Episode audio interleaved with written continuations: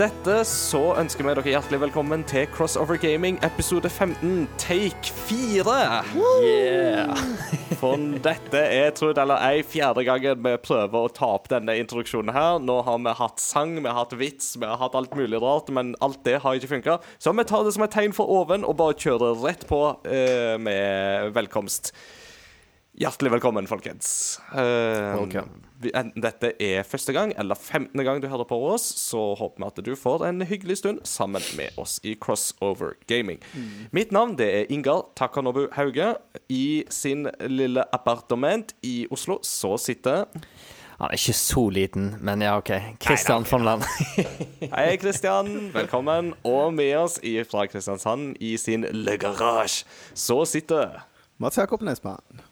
Mats Jakob! Hei, Mats Jakob. Hei, Du, du, har så bra, du har så bra bildekvalitet på videoen din i dag, så vi må ta den faste spalten med en gang, og den heter Hva Mats Jakob fått internett?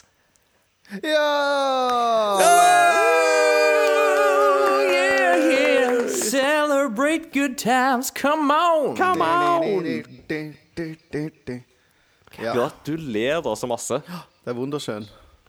Ja, etter et halvt år uten internett, så regner jeg med at det må føles veldig, veldig bra.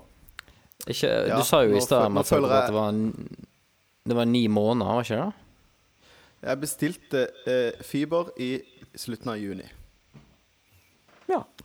Så det, det, Nei, det er men ganske eh, lenge. da mm, Det er ganske lenge, det. Så folkens, Kristiansand har sine sjarmerende sider, men det kan ha sine litt mer brutale sider òg, så Ja. Vi skal ha en podkast foran oss der vi skal snakke om life, universe and everything, but mostly gaming. Uh, og det skal vi da òg gjøre denne gangen her. Uh, jeg tenkte at vi skulle begynne å snakke litt uh, fra nyhetssegmentet. Uh, for det har vi egentlig lova lytterne våre sånn halvveis på Facebook i dag. Um, for saken er jo det at um, i går, tror jeg det var, så um, kom det en uh, ganske dyptgående artikkel på Kotaku. Uh, det er da Jason Schreier som uh, Yeah. har skrevet boka 'Blood, Sweat and Pixels', som jeg og Christian har snakka veldig masse om. Den boka tar jo for seg utviklingsfasen til en del spill, og så viser litt av der den, Altså I den boka så snakker han en del om um, Jason Schreier snakker en del om forskjellige spill som har en trøblete utvikling. Blant annet så snakker han om BioWare Inquisition, altså Dragon Age Inquisition, som har en trøblete utvikling på grunn av Veldig mye på grunn av Frostbite Engine. Og så har jo Anthem kommet ut nå, siste spillet til BioWare. Og folk har vært litt sånn Hæ? De har jo utvikla det her i seks-syv år, og så er det det her de har Som de klarer å få ut eh, av kverna. Og så viser det seg jo da at de har jo hatt kjempestore tekniske problem alle disse årene. Grunn igjen av at de blir tvunget til å bruke Frostbite Engine, blant annet. Både da og en ganske mangelfull ledelse og ja. Så det har vært en trøblete utvikling av det spillet. Mm, ja, altså Det viser seg jo at uh, veldig, veldig Altså Av disse syv årene så har jo ikke Anthem, sånn som vi kjenner det, begynt på utviklinga før sånn nesten i 2017.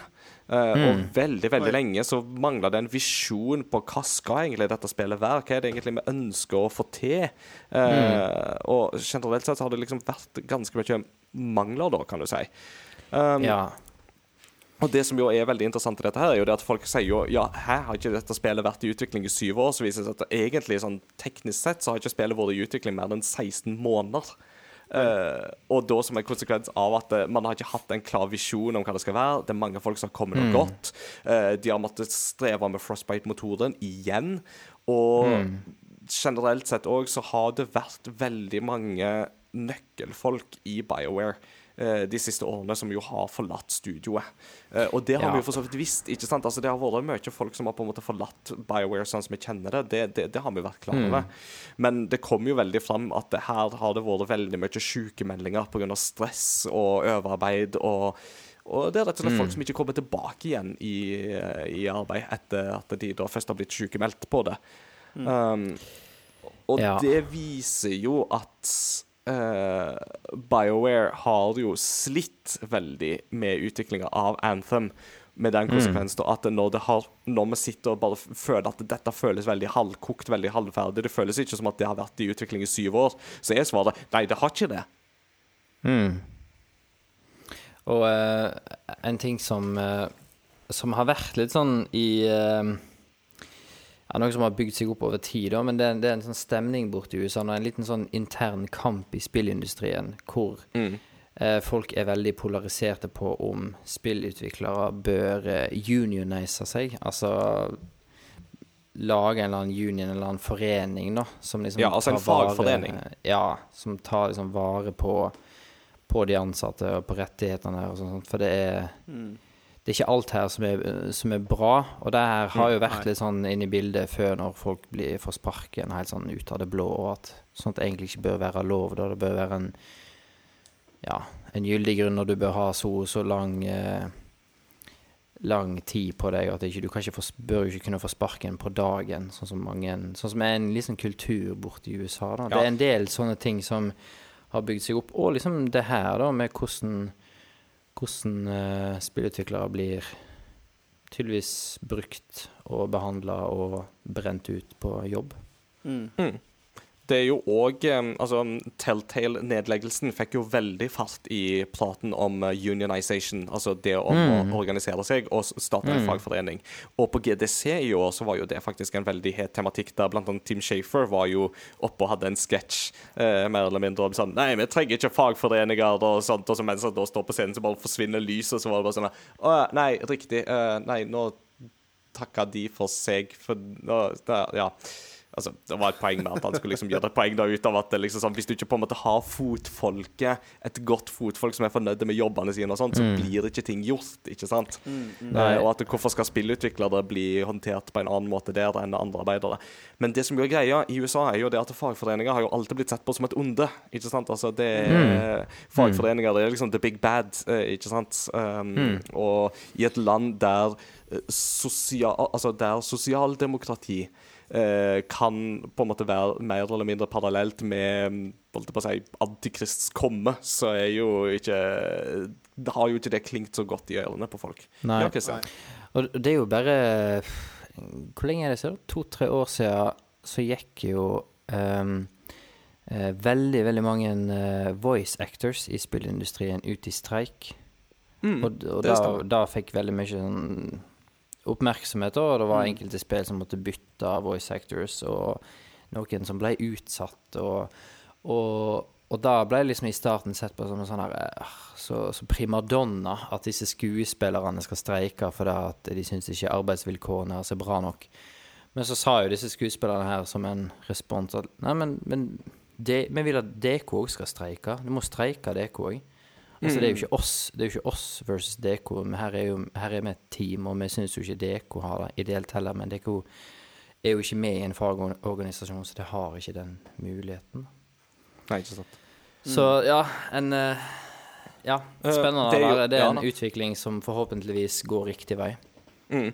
Da, hvis vi går litt tilbake til Anthem òg, så er det jo en annen ting der. er jo det at det Altså, eh, BioWare har jo etter hvert flere studio. ikke sant? Altså, De har jo hovedstudio i Edmonton, og så har de et studio i Austin, og så har de vel ett i Montreal, hvis jeg ikke husker riktig.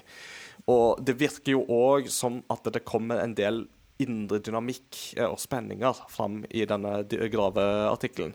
Eh, Om at liksom de Edmonton er litt sånn Vi har jo på en måte vært på en måte med helt siden starten. Det er jo vi som er på en måte grunnkontoret, og så er de i Austin er liksom litt sånn sekundærkontoret og sånt. Og de i Austin, det er jo de som har hatt ansvaret for å utvikle Star Wars The Old Republic, som jo er dette online-rollespillet til BioWare. Og de har jo Kildene derfra sier jo det at vi hadde masse pitcher i, til, inn til teamet om dette, dette er feil dere må unngå. Dette er ting som på en måte ikke må skje. Trust me, dette vet vi fordi vi har gjort samme greiene sjøl. men så fikk, følte de litt at nei, de ble ikke lytta til. At de ble litt overkjørt. Uh, eller bare ikke lytta til fordi Ja. var sånn Ja, men dere er fra Austin, så, i Texas, så sånn. Og det er jo Ja. veldig trist, da. Uh, så det virker jo bare som at det, her er det jo ikke bare snakk om at BioWare blir overstyrt ovenifra og ned av EA, som dikterer hva de skal gjøre, både med tanke på bruk av Frostbite-motor og publiseringsdato og sånne ting. Eh, og litt sånn sterke føringer på at Å, den demoen der, den, den så kul ut. Gjør det sånn. Eh, Men at det faktisk også er litt interne stridigheter inni dette her. Uh, Ja. og Ja. faktum var jo det at eh, faktisk så heter jo ikke Anthem Anthem før ei uke før eh, E3-konferansen. Eh, da de presenterte den demoen. For det var sånn Nei, nei, egentlig så heter dette spillet Beyond. Og så plutselig ei uke før så var det sånn Nei, vi skal kalle det Anthem. Og det var ingen som visste hva, ja, hva refererer det til. Hva, hva er det for noe? Det låter kult. Ja, det var litt sånn Det låter kult. Uh, Ja. Så um, Men så, så, så jeg Nei. tenker jo det at jeg, jeg tenker jo som så at BioWare er jo egentlig litt avhengig etter hvert, mener jeg, av å ta en uh, Bungie og gjøre sånn som Bungie gjorde, og kjøpe sin uavhengighet fra EA. Altså at uh, de Hvis BioWare skal klare seg, så må de komme seg løse fra, fra EA.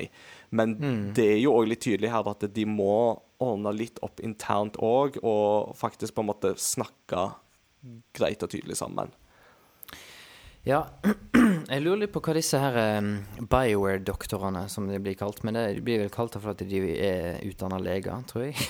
men eh, men eh, disse her som starta Bioware, den her kompisgjengen Eller var de to stykker? Jeg husker ikke, jeg. Men eh, det er liksom de som Bioware-doktorene. Altså det er de som er originale Bioware-komboen. De slutta jo um, Jeg lurer på om det var rett etter Mass Effect 3, når de, når de merka det der at nå hadde EA for mye å si. Da trakk de seg. Ja. Eh, jeg lurer på hva de gjør i dag. Det hadde vært spennende hvis de starter et nytt studio, så blir jo da Ja. egentlig BioWare. Ja, det, mm, egentlig så mener jeg å huske at det er flere av disse nøkkelpersonene som har gått ut og laga et eh, nytt eh, selskap som jeg ikke husker navnet på akkurat nå. Eh, men okay. at de holder jo òg på med Altså, de er egentlig et tech-selskap som òg skal lage et spill.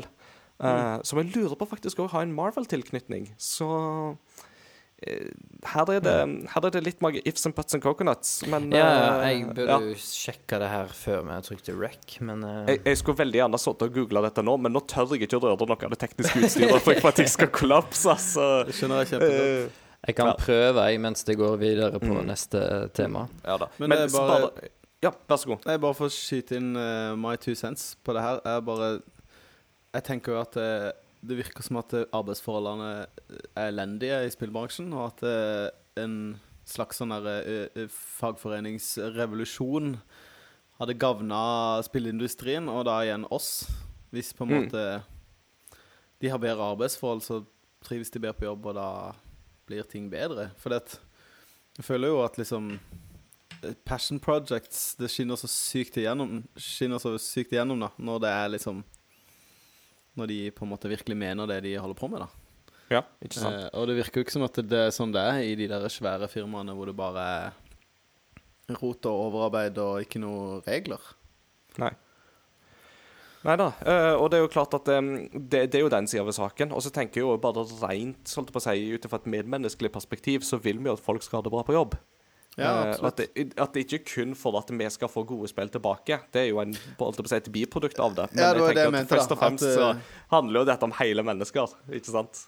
I utgangspunktet så bur, på måte på, på det laveste plan Så burde du jo bry deg fordi du får bedre spill Ja. På en måte, det var det litt jeg mente Men eh, ja, det er jo Ja Det er jo, i USA så er det jo sånn Det er på en måte de, de, En dokumentar om Walmart for eksempel For når de begynner Mm. skal jobbe der Så blir de jo bare servert med anti-union-propaganda Fra dag Ja. og Ting som blir på en måte vinkla som en treningsvideo, og så er det egentlig bare liksom folk som forteller om hvorfor du ikke trenger en union, og at det er så greit å jobbe der. Så du trenger det ikke. Nei. Altså, Og det, det, det, det er litt skummelt, altså, hvordan, hva posisjon det har i USA. Så mm. Mm. Men responsen fra EA og BioWare eh, på denne graveartikkelen er jo òg litt interessant. Um, Mm. Folk kan jo lese dette her på Facebook-sida vår, så hvis dere ikke har likt den, folkens, så finner dere oss på Facebook på Crossover Gaming. Men saken var jo det at EA Altså, artikkelen i seg selv er 11 000 ord lang, så den er, den er ikke kortlest, for å si det sånn. Eh, men eh, allerede bare noen få minutter etter at den var posta, så hadde EA og BioWare formulert et svar som var veldig tydelig at dette har vi ikke lest i det hele tatt. Mm. og at det er litt sånn For det første så er det bare sånn kritisere artikkelen for ting som ikke blir gjort eller sagt. Men en annen ting er at artikkelen òg sier litt sånn her at eh, vi, vi, vi liker ikke Altså vi lager spill, det er et helhetlig prosjekt, og vi liker ikke at folk bryter det ned, og at folk på en måte kommer med eh, ned, Altså at folk mer eller mindre gjør Det virker jo nesten som at de har skrevet sånn Ikke snakk slemt om spillet vårt, fordi at det, det, det da, da blir vi lei oss. Um, og det er jo i og for seg greit nok, ikke sant? Altså at det, en skal på en måte drive seriøs Altså en skal på en måte være respektabel og sånt, men svaret blir jo nesten sånn Ikke driv gravejournalistikk. Fordi Ja. det, da, da blir vi lei oss. Og det er en Ik ikke, avslør, ikke avslør feilene våre, for det er da blir Ja. vi lei oss. Ja, Ja. men altså, sorry, altså, men det er det som er god journalistikk. Altså, journalistikk Ja. har, jo, har jo vært under angrep, eh, i hvert fall i Vesten siste året nå, men god journalistikk er jo uh, uncovering uh, the truth, på en måte. Det er det er akkurat det det er. Og når de da går inn og sier at det ikke gjør det, det fordi det liker vi ikke, så er det sånn Ja, men det er jo akkurat det som er vårt mandat. Det er det vi skal gjøre. Vi skal avdekke kritikkverdige forhold og sette søkelys på det, sånn at ting kan bli bedre. Så han har på en måte gjort litt sånn detektivarbeid. Påske Påskekrim. Påskespill. I, I don't know. Og, ja, ja, ja. Og det bringer oss over på uh, vårt uh, lytterpost. Lille Segway, lille Segway. Down My god Segway. Nei da. Eh, på um, på Facebook-sida vår så pleier vi å kjøre en liten lytterpost, der vi spør dere lyttere et eh, spørsmål som eh, vi vil at dere skal svare på. Eh, nå nærmer vi oss påske, så i den forbindelse så lurte vi på hva spill med sånn type krim- eller etterforskningstematikk som er deres favoritter. Eh, nå lurer jeg på om eh, dere to karer har uh, Facebooken og sånt oppe foran dere. Igjen så tør Yep. ikke jeg å røre så mange ting her, uh, men jeg kan komme med mine innspill når vi er klare for det, da. Ja. Eh, skal jeg og du, Mats Jakob, veksle litt på innleggene her, da? Jeg skal finne, jeg skal bare finne de, jeg. Jeg kan begynne med en her, jeg, da. Kristian Christian Oddnesen her. Han svarer da på Han svarer da med 'Return of the Obra Dinn'. For meg var dette det endelige beviset på at grafikk er meningsløst så lenge du har en stilig mekanikk og en interessant metode å utforske historien på. Return of the Obra Dinn er jo da laga av Lucas Pope, Ja. som da vil si én person. ja. Eh, Igjen så er det imponerende, altså. Og det, jeg Ja. skammer meg litt over at jeg ikke har fått spilt Return of the Obra Dinn, for jeg tror jeg Samme hadde likt det spillet veldig, veldig godt. Ja. Men kanskje i påsken? ja, ja, kanskje pås påsken, ja. Mats Jakob, har du en? Ja, Peter eh, Løkjell skriver eh, om Witcher 3 kan gå under denne sjangeren, blir det det fort. Et fantastisk spill hvor du følger eh, spor etter eh, Siri. Kan også trekke fram Batman Arkham-spillene. Dødsrå spill. Og så har han svart på sin egen melding og så skrevet Å ja, jeg skriver bokmål for å spare Christian for ytterligere pinligheter. Jeg skriver på Shots fired! Nei da. Oh, det, Det det. var shots absorbed and damage. Uh, I'm healing my Du får rulle en D12, altså. Ja. se hvor mye damage du tar. Med defense. Saving throw. Nei, uh, Helge, han skriver Har ikke spilt så mange av den sjangeren, men det nærmeste og siste jeg har prøvd, er Heavy Rain. Ja. Ja, det er jo et, eh, et krimspill, eh, Dag, eller det er i hvert fall det som er tematikken i spillet. Ja da. Og Mm. det, er altså, du driver jo absolutt med etterforsking i det spillet. Uh, så jeg vil, mm. jeg vil absolutt si at Heavy Rain er innafor. Det, det, Mm. det vil jeg si. Tar du neste her, MJ? Ja. Åsmund Solsvik skriver har bare spilt LA Noir som et rent krimspill, men syns at Batman Arkham-serien har noen utrolig stilige etterforskningsdeler. Blant dem syns jeg at kanskje Blant annet syns jeg kanskje underdoggen Arkham Origins er den beste. Jeg har ikke spilt noen av de spillene, så jeg har ikke så mye formeninger om eh, hvilke av de som er best. Jeg eh, vil si det er kontroversielt, ja. Altså, Origin er etter min mening det klart svakeste i trilogien. Men jeg er veldig enig i at Batman Arkham-serien fungerer bra som Altså, det det har definitivt det der detektivaspektet av Batman ved seg. Ja, men særlig det første syns jeg hadde det. Men ja. jeg tror, jeg tror kanskje det var noe av det kritikerne sa positivt når uh, Origin kom ut, var at hvis det var én ting de gjorde hakket bedre, så var det detektivdelen. At den var mer Den tok mer plass, da, i det spillet her, hvis jeg husker Et- riktig. Ja. Men spillet i sin helhet er ikke like braksuksess som de andre i serien. det kan jo hende at han mente det, da. Han har jo bare skrevet at Batman Arkham-serien har en utrolig stille etterforskningsdeler. Blant den syns jeg kanskje Underdogen Arkham er den beste. Det kan hende det han har ment. Ori Origins. ja. Mm. Ja. Sorry. Mm. Interessant. Eh, Ja. Martin han skriver foretrekker nok bøker, film, serier over spill i krimsjangeren foreløpig. Men likte The Wolf Among Us. Uh, men det gøyeste jeg har spilt med etterforskning som en aktiv game mechanic, er faktisk The Witcher 3. Syns de implementerer utforsking av mysteriet på en veldig kul måte. Enten man må komme inn i riktig dialogmønster med en karakter for å finne mer ut, ut mer av mysteriet, eller bruke Witcher-sansene for å finne neste spor og lignende. For eksempel questet A Tower Full of Mice, der du må undersøke et tårn fylt av rotter, med en lampe som lar deg se fortiden for å få forskjellige clues, for så å finne spøkelset av en jente som ble spist levende av rotter mens kroppen hennes var paralysert. Deilig. Stemmer. Videre. Jeg husker den der, altså. Ja, videre må du prøve deg fram for å løfte forbannelsen. Og ikke minst det store mysteriet om den gamle damens stekepanne. Witcher, ja, Witcher-serien kan på mange måter defineres som fantasy crime. Hører på lydbøkene nå, og det forundrer meg ikke om Mr. Andrzej Sapkowski er inspirert av sir Arthur Conan Doyle. Gerald Holmes der, altså. Ja. Nei, ja, Mm. men altså, The Witcher 3 vil jeg definitivt si har det aspektet ved seg. Så det, det at flere nevner det, det tenker jeg, det, det skjønner jeg veldig godt. Og særlig den der eh, Tower of Mice. Den, eh, jeg husker det når, når du leste det opp, så var det sånn åh, det er nasty, altså. Men det, det er jo definitivt et eksempel på liksom, detektivarbeid som en Witcher må utføre. Ja. Mm. Mm. Eh, dere da, hva er deres eh, favoritter, hvis dere skal liksom plukke et spill eller to eller tre i den sjangeren? Um, Jeg kan ja. begynne, jeg. Ja. Eh, det, eh, det første jeg tenker på, er jo The Room-serien Ja. på IOS. ja. Eh, og det er jo ikke så veldig Det er jo ikke et sånt klassisk detektivarbeid, men det handler jo om å på en måte følge spor og nøste opp i et mysterium. Mm. Eh, som handler om eh, at en eh, Du følger sporene til en som uh, har funnet the null element. Uh, altså, det er vel sånn slags antimaterie da, som det er snakk om at han har funnet og klarer å kontrollere. Og da på en måte legger han ned en spor for at du skal på en måte kunne følge han og finne han, og så blir det bare ja, mer og mer. Og så er det jo veldig sånn eh, Hva heter det for noe? Han eh, Lovecraft-stemning i hele spillet. ja, riktig. Eh, så det er jo litt sånn Det er jo litt creepy til tider òg. Ikke det at det er et, det er ikke et skrekkspill. Mm. Men eh, det igjen har fått meg til å tenke på liksom Jeg har ikke spilt noen av de her store crime-spillene som LA Noir eller Detective Pikachu, for den saks skyld.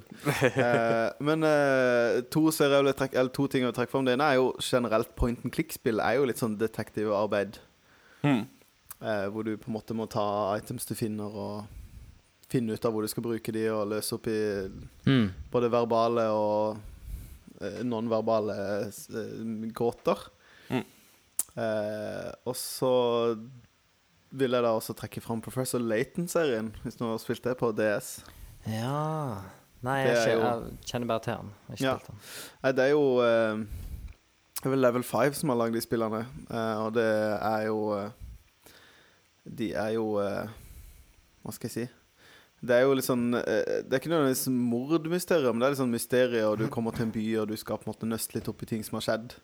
Mm. Eh, og litt sånn dialogvalg og ting du finner og sånne ting. Men eh, jeg syns det er gøy, men det er litt sånn litt, Jeg har på en måte litt samme kritikken til det som folk hadde til Detective Pikachu. At det er litt sånn Det er på en måte for barn, så det er ikke så gøy for en 30 år gammel mann å sitte og spille det som det kanskje er hvis du er en 10-12 år og på en måte Mm. Driver og pirker litt borti de spillene og syns at det er spennende. Riktig. Eh, da? Ja eh, Jeg har fasiten. Eh, Du har svaret. Neida.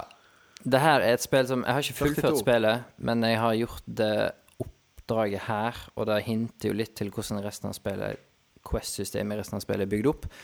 Men, og det er ikke det det, det hadde tippa, men det er faktisk eh, eh, Divinity Original Sin 1. Einen. Ja, for der har du et oppdrag hvor eh, når du kommer inn til eh, første byen Så det, det, det her er jo et Det er jo et eh, som party-RPG-spill, så du har jo tonnevis med quests med en gang. Men et av hovedquestene som du, som du må gjøre eh, i første byen, er at det har skjedd et drap. Og så eh, eh, får du da i oppgaver å nøste opp i hvem er det som har begått det drapet her. Mm. Og så kan du, i den questline her, så kan du når som helst gå til kapteinen, og så kan du si det er han eller det er hun som har gjort det. Mm. Og da blir, blir questet ferdig, kapteinen blir fornøyd, og så hjelper han deg med det som du egentlig vil ha, ha hjelp tilbake, da, sånn at du kommer deg videre i spillet. Ja. Så du, du, du setter liksom den målstreken sjøl, da, for når er det etterforskningen er ferdig. Mm. Og den etterforskningen kan bli veldig, veldig dyp. Og du, og du kan, eh, hvis du holder på lenge nok, så finner du plutselig ut at oi, det er en kult i- inni bildet her. Oi, den kulten holder til i et sånn huleområde utenfor byen. OK, oi, de hører igjen til den rike familien her. Altså, du får mange sånne tråder neste da, men så kan du når som helst si at bare Nei, det her gidder jeg ikke. Jeg tipper det er han som har gjort det. Det er sikkert han. Ja. Og så kan du bare gå og si det. Så det er sånn at det føles som en realistisk crime at du som politi eh, Realistisk i hermetegn. At du som politi når som helst kan si at det er det her som er gjerningsmannen vår, istedenfor at spillet sier til deg riktig quest done, på en måte. Mm. Så eh, veldig, veldig kul eh, take på, på den crime-tematikken. Mm. Nice. Ja. Du da, Ingar? Um, for meg så er det jo Jeg har jo spilt ting som LA Noir og The Wolf of Manga synes, og The Witcher 3, selvsagt, og syns det er absolutt eh, veldig gode alternativ. Um, Mm. Men jeg, altså, det er liksom, hvis jeg skal på en måte tenke de spillene jeg syns er best når det kommer til sånn mordmysterier og løse det eh, Og nå ble jeg veldig distrahert av den Pepsi-flaska di, så den må du aldri ta opp igjen i webkamera, for da blir jeg bare distrahert. Men uh, uh, Jo, eh, den spillserien som jeg ville ta for meg, da, det er den som heter Dangandompa. Eller, Ja. eller Dragerumpa, som en gammel kollega av meg i Game Rector pleide å kalle det. Nei, altså, Danganronpa-spillene, det er japanske Altså, på mange måter så er det visual novel-spill, men de er litt mer interaktive. Um, men hovedkonseptet i uh, hovedserien Altså, det fins en spin-off-serie, et spin-off-spill, det tar vi ikke med nå, men i hovedserien, um, for å ta det første spillet da, som et eksempel, så er det jo sånn at uh, du spiller en kid som uh, får innpass på et veldig sånn prestisjetungt skole i eh, Japan, der liksom alle the ultimates blir samla. så det vil si at alle elever som går der, de er den aller beste i et eller annet.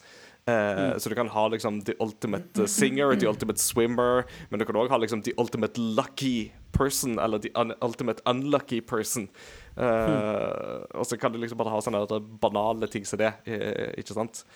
Um, og så Første dag på skolen så svartner det for deg, og når du våkner opp, så er du og 14 andre Ultimates innesperra på denne skolen. Og så er det en robot-teddybjørn i svart og hvitt som kaller seg for Monokuma.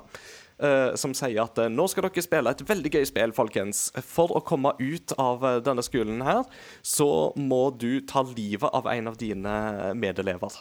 Eh, og så skal vi ha en rettssak, og hvis man ikke finner ut av eh, hvem som har gjort det, så slipper du ut. Men da dør alle de andre. Hvis en derimot klarer å finne ut av hvem som to foregikk drapet, da dør kun morderen, og alle de andre elevene får fortsette å leve helt fram til neste eventuelle drap skjer.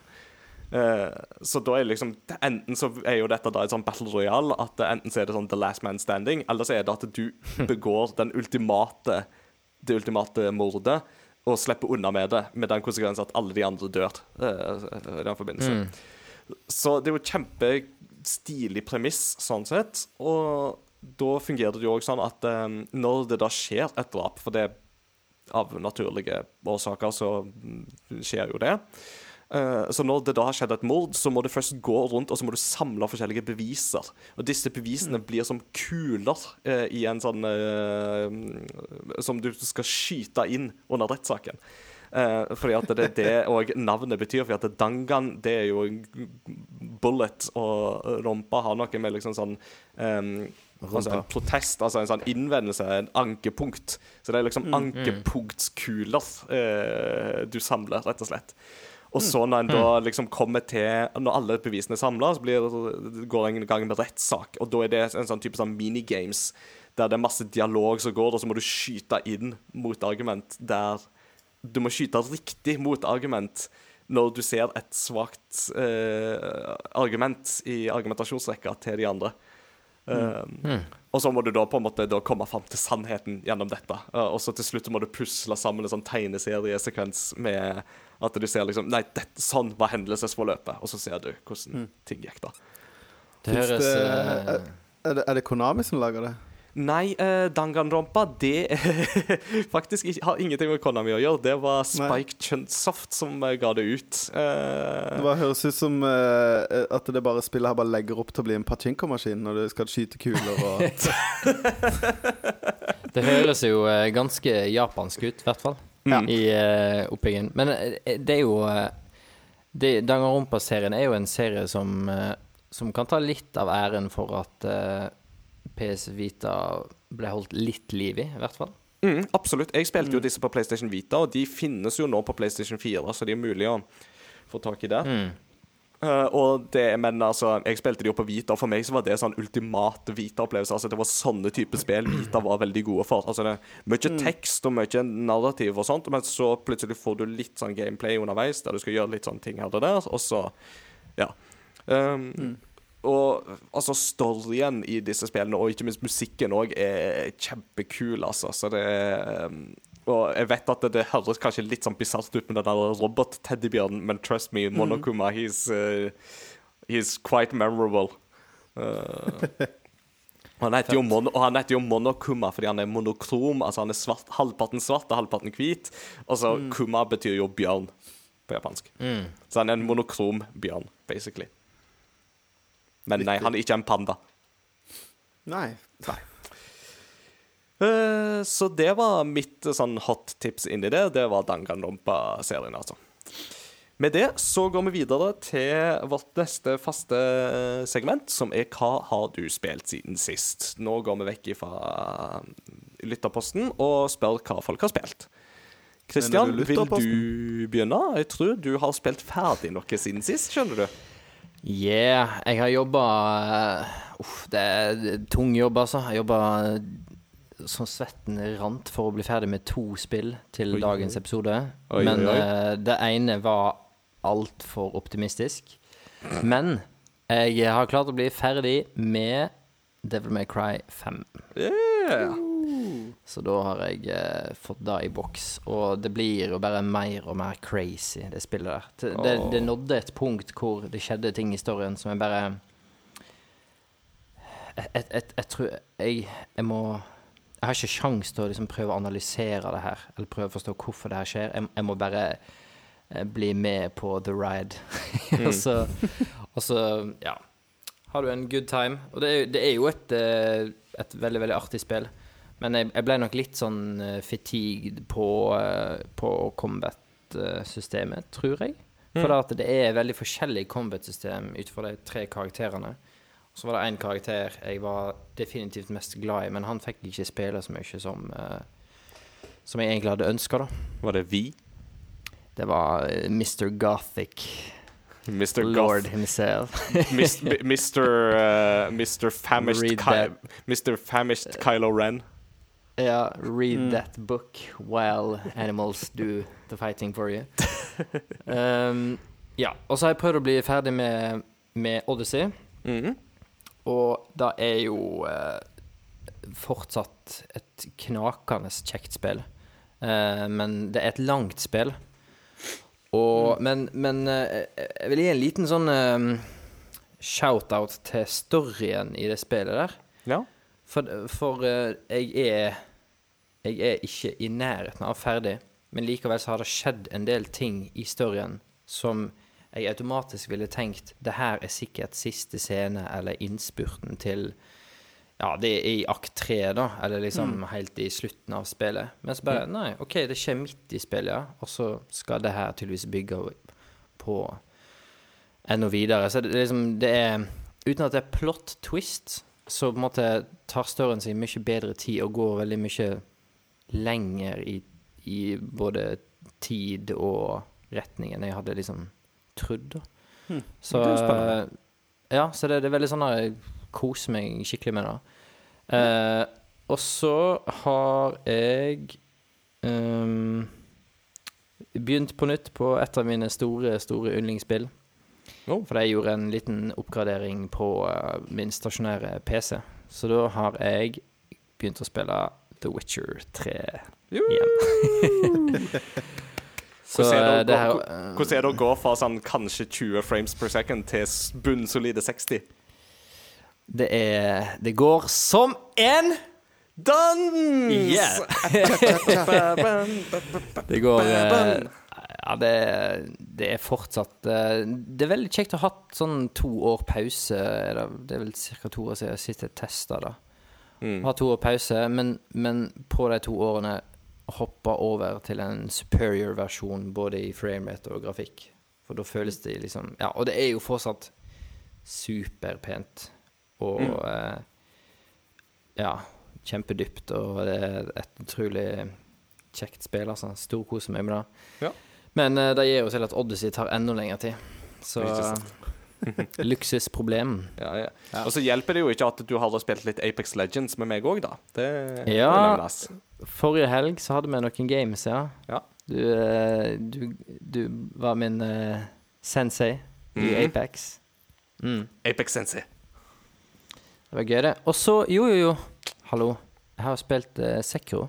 Shadows Die Twice. Ja, ja, ja, ja. Det har jeg jo spilt. Uh, og mitt eh, s- forhold til From Software-spill eh, Jeg har spilt alle spillene, og jeg var en av de som eh, gikk til innkjøp av det litt mindre kjente Demon Souls, som Ja. var spesielt i Norden egentlig ganske lite kjent før Dark Souls kom ut. Mm. Jeg beit meg merke i det da det kom ut, men uh, Mm. ja. Jeg husker jeg så en uh, IGN-review som eh, Som eh, ja, gjorde meg veldig gira på spillet, da. Men da var det faktisk ikke ute i Europa. Så jeg måtte vente et halvt år eller et år før det kom til Europa. ja. Jeg husker det var mange som Eh, men- importerte det faktisk før det kom, da. Ja. Mm. Men eh, ja. Og så kom jo Dark Souls 1, 2, og så Bloodborne, og så Dark Souls 3, og nå er da Sekiro kommet. Og det, det er jo From Software er jo en eh, gjeng som har, eh, som har vært veldig, veldig flinke på liksom uh, bygging av en verden, altså Mm. worldbuilding, og atmosfære og stemning, Mm. og veldig, veldig gode på combat-mekanikk, og at combat føles liksom responsivt og naturlig, på en måte, da. Mm. Uh, og sånn sett så var det veldig imponerende å gå over til Sekiro og finne ut at det her er òg en kjempebra polert combat-opplevelse. Mm. Men to, og like punishing, men totalt ulik. Så eh, hvis Mm. du har en sånn motor, en motorisk eh, hukommelse i fingrene fra um, Dark Souls-serien, så uh, sliter du big time når du fyrer opp Sekiro og prøver liksom Prøver å løse en, uh, en kamp på samme måte, da. Ja. Ja. Ehm, og denne gangen her så gir de en veldig mye bedre jobb eh, og mer, grunn, og mer sånn tydelig når det kommer til story og law og alle disse tingene her. Så du blir litt mer sånn knytta til det du holder på med, da. Det føles litt mer meningsfullt. Uh, har ikke spilt det så mye ennå. Jeg har ti timer i det, cirka. Ja. Har tatt to bosser. Oh. Den ene tok jeg på andre forsøk. Yeah. Oi, oi, oi. Den andre, den andre var sånn forsøk nummer 15-16. Eller et eller annet sånt. Ja. Men uh, veldig kult spill. Kommer sikkert til å snakke mer om det i neste episode når jeg har fått spilt litt mer, Ja. tror jeg. Det håper jeg òg. Da hadde jeg òg spilt mer av det. Uh, for jeg har ikke drukket og Jeg har drukket å begynne på Sekiro, uh, men ikke så veldig mye mer enn det. Uh, så jeg har kommet sånn omtrentlig så langt som det jeg kom da jeg var i London og testa det sånn i, i begynnelsen av mars, før det kom ut. Så. Har du tatt første sånn miniboss? Um, Han samuraien? ja, eh, det, det har jeg. Eh, og det går jo som det må gå, liksom. Men eh, ja da. Nei um. Hmm. Nei, men ikke, ikke i tutorial, men etterpå. Å, OK, sånn, ja. Nei, nei, så jeg har ikke kommet dit, nei. Så da Nei. ser du hvor langt jeg har kommet. Ja, ja skjønner. Mm. Men forhåpentligvis så får vi snakket enda mer Sekiro neste gang. Uh, Ja, da kan vi gå litt mer i detalj kanskje på gameplay, mekanikk og Ja. sånne ting. Hmm. Skal jeg ta fortsette, eller vil du, Mats Jakob, uh, skyte Kjør inn på. Ingar. Ja, den er good. Jeg vil ikke at du skal kjede deg, vet du, mens du Men det ser ut som du har det bra, så det går Jeg fint. koser meg. Ja, det er så bra. uh, ja, så Kristian nevnte jo Sekiro, men jeg har bare så vidt rukket å begynne på det. Um, jeg sitter akkurat nå med et um, anmeldelsesprosjekt som jeg ikke får snakke om før neste gang. Men jeg har anmeldt to spill som eh, jeg vil eh, snakke om litt mer om, for det kan jeg snakke om. Det ene, det er eh, Sekiros rake motsetning, nemlig Yoshi's Crafted World. Yeah. Og altså, det, det er jo som kontrapunkt, Brutal. dette her. Ikke sant? Altså, Der du har Sekiro på ene sida, som bare er liksom brutal og get good og what not. Eh, og så har du Yoshi på andre sida, som bare er sukkersøtt, superkoselig og bare er sånn dette, dette er ikke veldig vanskelig, og dette er på en måte beregna for et litt mer casual publikum, merker du, og sånt. Eh, men vet du hva? Jeg, jeg, jeg bryr meg ikke om at det er lett. Altså, det kan være litt utfordrende av og til. Et par brett som liksom byr på bitte litt utfordring. Men ellers er det liksom bare Noen ganger så er det bare godt å sette seg ned, slappe skikkelig av med spill, og bare spille noe som er gjennomført koselig, og det er Yoshi. Um, Mm. og coop-modus så passer dette veldig bra å spille liksom, hvis du er litt erfaren, og så har du en som kanskje ikke er like erfaren, så er det et veldig bra sånn, samarbeidsspill, for da kan du hjelpe de ut litt. Så det er for eksempel veldig bra for, um, for um, foreldre å spille sammen med barn, for eksempel. Eh, Så passer det veldig, veldig godt. Så jeg ser jo for meg eh, at du, Mats Jakob, for eksempel eh, Jeg tror at du og eh, særlig eldste kidsa dine vil eh, eh, Ja, jeg spilte, jeg spilte jo Woolly World med Ludvig, Nå, Ja. men da var han to. Så det var Ja. jo mer bare at han fikk holde en kontroll. Ja, ikke sant? Men, Men nå eh, han er uheldigvis smart nok til at han skjønner at den kontrollen han har, ikke gjør noe. mm. Så det tar ikke lang tid før han skal ha min kontroll. Ah, Nei, nei, det er riktig. Men uh, her tenker jeg at det her eh, vil det være en god oppfølging for dere da å spille sammen. Og det som jo er ekstra sjarmerende i Yoshi's Crafted World, det er jo den grafiske stilen som de har lagt seg på. Fordi mm. um, um, Alt Altså, i Woolly World så var det jo sånn at alt så ut som det var laget av ull. Uh, at alt var strikka og sånn håndarbeidmessig og sånt. Og nå ser jo alt ut som det er laga av sånn papir og papp og origami og folie og sånt. Og det ser så bra ut. Det er så godt gjennomført, og det er sånn du får lyst til å bare legge fra deg kontrollen, og så får du lyst til å bare hente masse farga papir og begynne å klippe og lime og brette og sånn sjøl, liksom lage det til dine egne greier. Eh, Jeg bare nevne én, det er ikke en stor spoiler, eller noe, men det er ett brett som er litt kult, for at det foregår bak sånne skyvedører i et sånt japansk palass. Så at du ser bare skyggene og sånt, eh, der du liksom hopper og sånt. Eh, og så når du kommer til slutten, så møter du på en drage, og den ser jo så skikkelig skummel og sånt. Men akkurat da, når du liksom tenker at «Ah, 'Hvordan skal jeg slå den?', så går dørene til side, og så ser du at nei, det er bare en shy guy som har bygd en sånn der eh, ting av papp, og så står han bare med en sånn pinne opp og ned og prøver liksom å få det til å se ut som en gapet til en drage. Og når du har avslørt det, så bare kaster du et egg på den shy og så går du videre, og så går du i mål.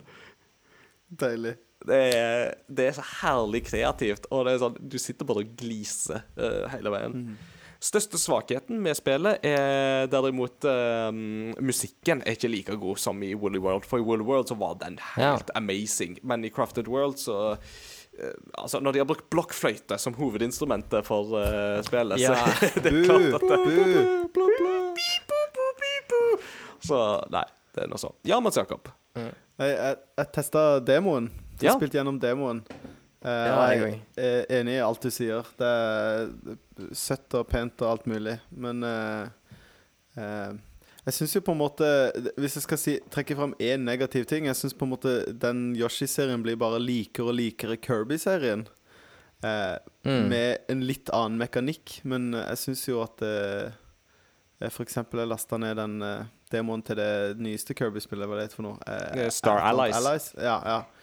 Og tenkte så når jeg begynte å spille Craft of World, så er det jo Det er en mye penere Artstylen er mye kulere, og det er et mye mer polert spill sånn utseendemessig. Men jeg får utrolig mange like vibber. Selvfølgelig er det jo en stor forskjell i liksom hvordan Yoshi-karakteren er, og hvordan Kirby-karakteren er, men jeg syns allikevel at det, det er mye likt. Mm. Eh, det er veldig lik eh, eh, Hva skal jeg si Gameplay Det er veldig lik experience, da. Det er Mm. veldig søtt og Ja. 2D. Absolutt. Ja, Kristian. Serien, serien har forandra seg ganske mye ifra Altså, en av Jeg tror mitt desiderte um, yndlings uh, Super Nintendo-spill er Super Mario World 2, Mm. Yoshi's Island. Mm. Og, og eh, serien har blitt veldig liksom Ikke nødvendigvis negativt, men han har blitt seigere og treigere. Mye lavere tempo og sikter seg tydeligvis inn, sånn som du sier, Ingar, mot et annet publikum da enn han gjorde før. Mm. Men jeg tenker jo at det ikke Altså, jeg er, jeg er enig i disse tingene, og jeg er absolutt enig i at Kirby og Yoshi må nok begynne på en måte altså, De må begynne å distansere seg mer fra hverandre. Ikke sant? Altså. De må gå sine egne ting og gjøre sine egne greier i en langt større grad. Men jeg liker veldig godt det der bedagelige tempoet som du får i Yoshi, f.eks. Uh, eksempel. Uh, Ikke minst fordi at uh, Hvis du tar eksempel Super Mario Odyssey, da. Uh, så er jo det et fantastisk bra spill, men det er et spill som er vanskelig å introdusere en first time ung gamer for. Um, Og der syns det er bra at du får spill som Yoshi, eksempel, som er mye lettere for de å sette seg ned med, og som har en stil, art og et gameplay som er mye lettere for de å håndtere. Eh, det var jo ikke like stort problem på Super Mario eller, på Super Nintendo-tida, fordi at da var spill mye mer todimensjonale på en måte lettere jevnt over kanskje å sette seg inn i. Men med en gang du får ting i tre dimensjoner, så er det en del ekstra ting du må tenke på som ikke alltid er like Ja. logisk og lett, altså. Bare sånn for eksempel en sånn lett, en så enkel ting som 'Hvor skal jeg gå hen?' Det er jo ikke alltid så lett Nei. når du ikke kan lese. Absolutt ikke. Eh, ja. Sant. Jeg har Jeg er også- helt enig med deg. Mm. Jeg har òg spilt eh, et annet spill uh, som uh, jeg hadde gleda meg lenge til å spille. Og det er rett og slett The Walking Dead The Final Season. Ja Nå er siste episode kommet ut. Den kom ut eh, 26. mars. eh, og da spilte jeg sesongen i sin helhet. Og det er jo veldig spennende, for at det er jo Det er fire episoder, og de to første de er utvikla av Telltale Games. Så gikk Telltale Konk, som vi jo vet. Det har vi jo snakket om før. Og så er det jo da Skybound med et sånn skeleton crew fra Telltale som eh, tok de to siste episodene og lagde det. Um, Ja, Skybound er jo selskapet til han eh, forfatteren av serien. Ja, det er jo Kirkman sitt eget uh, selskap, faktisk. Så det er jo På en måte så var det egentlig litt godt at det var de som plukka det opp, da. Uh, og det Ja. vil jeg si, altså, at uh, det, er jo, det er jo vanskelig å si, ikke sant, altså hva her er det som er Telltale, og hva her er det som er Skybound? Det er veldig vanskelig å si for de to siste episodene, fordi med hva er det Telltale har gjort her som um, som de ikke hadde gjort hvis det ikke em, Nei. eh, Sky, Skybound var involvert. Ja, nå skal det jo Nei, altså da skal det sies at Skybound var jo med og gjorde første sesongen, og det er jo den som som har vel vært mest anerkjent som den beste så langt, i hvert fall. Riktig. Um, Det kan absolutt stemme. Men det må jeg si, altså, at eh, de to siste episodene særlig i denne sesongen er veldig, veldig bra. Det er veldig Ja. høyt tempo. Det er kjempebra skrevet, ikke minst. Og langt, altså alt i alt så er det bare um, Jeg er kjempeimponert egentlig over stemninga i de to siste episodene spesielt. Eh, men hele sesongen òg var veldig tilfredsstillende. Og ikke minst så er det veldig spesielt å ta en avskjed med Clementine på en sånn måte som er Altså, Clementine er jo en figur vi har fulgt helt siden første sesongen fra 2012, Mm. og så har vi sett henne bli eldre i dette universet. Mm. Uh, så det er jo litt sånn eh, det På en måte så er det veldig vemodig, da. Fordi at du har jo sett denne rollefiguren vokse til, og ikke minst ut ifra dine egne valg. Um, Og nå i siste sesong så har jo hun sjøl en liten uh, kid uh, som hun passer på. Det er jo ikke hennes kid, men hun passer på han, han som heter AJ. Og på mange måter så har jo hun da gått inn i den rollen som Lee hadde i sesong én. Ja, eh, som jo tok seg av henne og passet på henne. Mm. Men den store forskjellen nå er at AJ han er født i dette eh, universet, og han kjenner Ja. ikke til noe annet univers enn denne Ja. verdenen med monstre som går rundt hele tida. Og da blir spørsmålet hvordan oppdrar du et sånt barn når det barnet ser på alt du gjør, og hører på alt du gjør, og lærer av det, sånn som jo kids gjør. Ja. Eh, to, to spørsmål eh, angående final season. Eh, mm. er, det er sesong fire, sant? Ja, det er riktig. Ja. Hvis du skal rangere da disse fire sesongene, hvordan, helt sånn superkjapt, hvordan ville mm. du eh, rangert dem? Det er veldig vanskelig å si, eh, for nå er det jo lenge siden jeg har spilt eh, noen av de andre, eh, eller en del av de andre sesongene. Men jeg vil nok fortsatt si at. Ja, Ja, hvis jeg tar Wild Guess, da, eh, så vil jeg fortsatt si sesong én er den beste. Eh, Det var en veldig emosjonell opplevelse, og det var liksom da Telltale på en måte helt nyttig introduserte hele den formelen som jo ble deres eh, kjennetegn, men som òg ble deres bane. Og så vil jeg faktisk plassere det til Final Seasons på en andreplass uh, etter Ja. det. Uh, med da sesong to på tredjeplass og A New Frontier på en fjerdeplass. Jeg syns ikke at A New Frontier var dårlig. Eh, jeg synes faktisk det var veldig bra, og det var litt forfriskende å spille litt andre rollefigurer i dette universet enn bare Clementine hele tida. Men eh, samtidig så mm, kommer den ikke like høyt opp som de andre sesongene, rett og slett. Mm. Um, Artig. så The Final Season følt var På mange måter så kan du jo si at det er litt som å se Logan etter å ha sett alle X-Men-filmene. Ikke sant? For at det er som å se Altså, i Logan så ser du jo Hugh Jackman spiller The Wolverine eh, liksom helt fra begynnelsen av 2000-tallet. eh, Ja. Og så i Logan så får liksom hans historie en avslutning, ikke sant? Etter nesten 20 års utvikling. Eh, Det er litt den samme vemodige følelsen du sitter igjen med etter The Final Season i The Walking Dead, altså. Og fortsatt så står jeg helt innafor når jeg sier at eh, hvis du skal bli kjent med The Walking Dead-universet, så er dette en veldig god måte å gjøre det på. Dropp TV-serien. Den kjører seg veldig kjapt ut i ei grøft og blir bare Jeg har sett åtte Sesong sesonger. var best. Sesong én var best, og så raser det veldig etter det. Og jeg Ja. har jo sett åtte sesonger av The Walking Dead og er veldig ferdig med den serien. Men Ja. denne serien her, det er altså Telltale fikk skryt for den, og det skal de ha ros for, altså. For dette er det universet og den formelen som de fant fram til, det funker veldig bra sammen. Mm. Cool. Så det ble en slags happy ending. eh, Altså ikke happy ending nødvendigvis i storyen, men på serien. Altså at de, de fikk jo fullført det her likevel. Og det Mm. kom, serien kom jo hjem til eh, de originale skaperne og ble fullført der, så det er jo sånn sett fint. Mm. Og det er, og som sagt, altså de to siste episodene der Skybound er med, er kjempegode.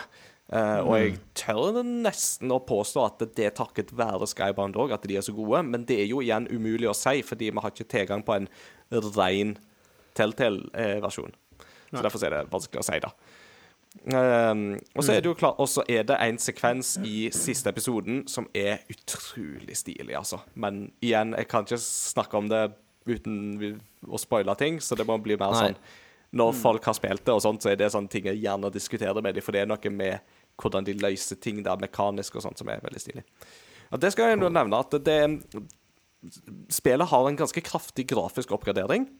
Uh, og i tillegg så er det en del sånne spillmekaniske ting òg som de på en måte har crank, cr cranked it up a notch. Så det var veldig tydelig at Telltale var veldig villige til å prøve noe nytt. Eh, samtidig som at de holdt seg Mm. noenlunde innafor formelen. Men eh, uh, alt i alt så var ikke det nok, eller det var for seint, da. Så det var litt Mm. trist. Mm. Eh, da kan Mats Jakob få lov å fortelle hva han har spilt uh, siden sist. All right. Jeg har spilt uh, Mer Heroes 3. Oh. Koser meg med det. Syns det er skrekkelig gøy.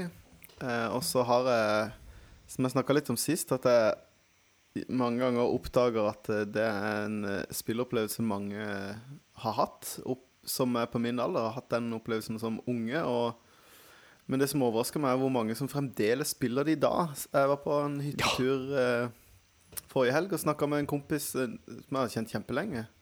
Og så møtte jeg ham på toget. Han hadde tatt toget fra Oslo. Jeg hoppa på i Kristiansand, og så tok vi toget videre. Og så bare 'Ja, hva har du gjort på toget?' 'Nei, jeg spilte litt Heroes 3'. Så jeg bare 'Å, fett'. så, eh, bare sånn eh, Kjempegøy å høre, liksom Ja, hvilken fraksjon spiller du, og liksom Hva slags strategi har du? Det var kjempegøy å møte Snakke med han om at han har en helt annen strategi enn meg, eller enn den der her eh, necromancy-strategien som vi snakka litt om sist. Men mm, Ja, ja, ja. vi skal jo snakke litt mer om Heroes uh, seinere. Så Mm. skal ikke snakke så mye om Heroes nå. skal vi, vet du. Uh, teaser, teaser, teaser. Uh. TC, TC. Eh, men eh, jeg har spilt et annet spill. Og det er et Ja. spill som jeg tror kanskje ikke dere har hørt om, men det er et spill som heter uh, Arx Fatalis. Eller Arx Fatalis heter det spillet. OK. Og det er rett og slett det første spillet til Arcane Studios. De som har lagd uh, Dishonored eh, De har Ja. lagd eh, De Og lager Bioshock Prey. 2. Og Skal jeg sjekke? Jeg var inne og sjekka den lista i stad, eh, Er det de som har Dark Messiah òg, hvis du husker spillet? de har da lagd det. eh, Prey, ja. De har lagd eh, Wolfenstein Young Blood, Dishonored, Bioshock 2, Call of Duty World at War. Oh. Eh, sånn at eh, de har lagd eh, flere spill, men dette er rett og slett det første spillet de sitt. Og eh, det var kom ut på PC og Xbox. Ja, og jeg har spilt det på Xbox. Mm. Men det er en uh, first person-rollespill. Uh, rollespill. Hvis Ja. du tenker Skyrim bare med Dungeons and Dragons eh, stats. Mm. Eh, så du må liksom fylle på Du velger statsene sjøl du fyller på når du eh, Når du leveler opp. Så er det ikke bare at du automatisk leveler forskjellige stats, men du på en måte fordeler stat points. da Så Mm. du kan liksom fra level 1 velge på en måte åssen type character du vil ha, da. Ja. Eh, og eh, storyen handler om at eh, Om at eh, det var liksom harmoni på jorda mellom alle typer creatures. Eh, og raser av liksom eh, Hva skal jeg si Orcs og alle mulige sånne raser. Og så eh, sakte, men sikkert så døde, døde sola. Og da bestemte de seg for å på en måte la, flytte hele verden under bakken i sånne tunneler. Ja. Og da delte de seg opp i sånne hva skal vi kalle det, gettoer. Så det var liksom menneskene var her, og goblinsene var der, og ditten og datten var rundt omkring. Og så over tid så har det da bare ført til store splittelser, og du har da et stort nettverk med underjordiske tunneler og byer hvor på en måte alle egentlig kriger med hverandre. Mm. Altså, karakteren din er en eh, fyr som eh, våkner i et fengsel og ikke vet hvem han er. Ja. Eh, og så The classic amnesia plot point. Men Never men been done det, before. Top er lenge five siden- amnesiatic characters in video games. Nei, men det er litt sånn one. eh, Hva skal jeg si Det er lenge siden jeg har spilt et spill hvor på en måte det var gøy med en gang. Hvor det ikke var Ja. litt sånn Det var Kult. ikke litt sånn der Ah, ja, jeg må bare gi, komme meg inn gjennom liksom oppstartsfasen. Men det var liksom jeg merka jeg ble sånn gira med en gang jeg begynte å spille det. Og det har Mm. sikkert noe med at jeg har fått litt sånn heroes-kick i det siste. For det var litt sånn Det er et PC-RPG fra 2002. Så det har jo litt den der eh, For meg, da Litt av den der Might and Magic-følelsen, da, på en måte, kanskje. Ja, jeg har, men jeg har aldri spilt noen av Might and Magic-spillene. da Men det er sikkert forholdsvis likt. Han, eh, han jeg snakka om på toget, han har spilt eh, Så tror jeg han har spilt alle Might and Magic-spillene. Han er skikkelig Imponerende.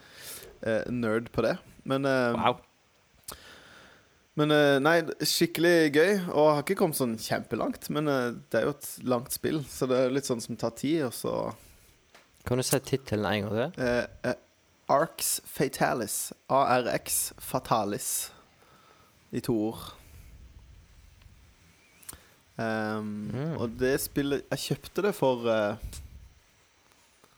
eh, Altså Teknisk sett så fikk jeg det til jul av min svigerfar, men det var fordi at jeg fikk penger til å kjøpe gave til meg sjøl, så jeg gikk på eBay og kjøpte dette spillet. men, eh, men så har jeg hatt det i over et år uten å begynne på det. Ja. Men eh, det var eh, en eh, forholdsvis kjent YouTuber som går under navnet Metal Jesus Rocks, som Yeah. anbefalte det. Eh, for han er jo en PC-fyr. Mm, Snakker om sånn- konsollspill. Altså. Ja. Veldig sånn eh, Morrowind-aktig i uh, utseendet. Ja. Litt sånn Samme grafikk. tidlig eh, 2000 typen. eh, first person RPG-spill. Ja. Ja. ja.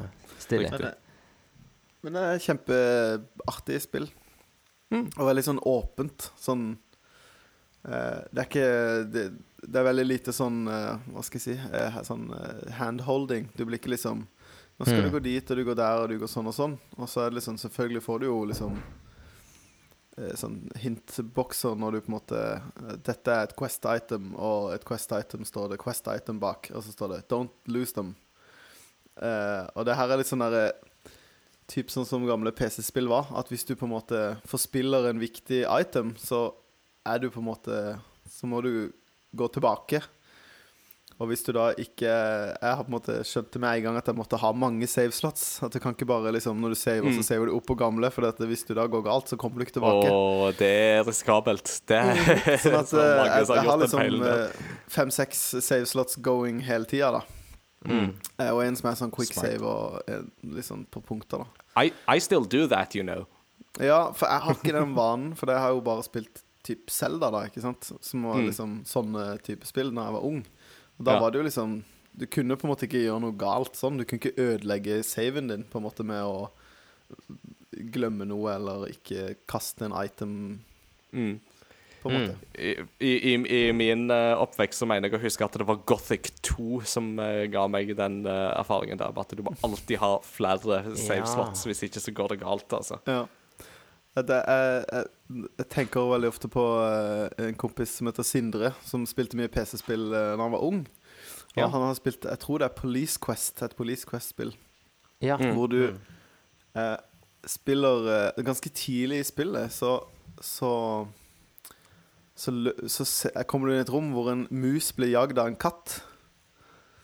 Eh, og de holder på, og så forsvinner de. Og hvis du på en måte ikke tenker noe mer over det, så tenker du ikke mer over det. Så kommer du til et punkt i spillet hvor du bare kommer ikke noe vei.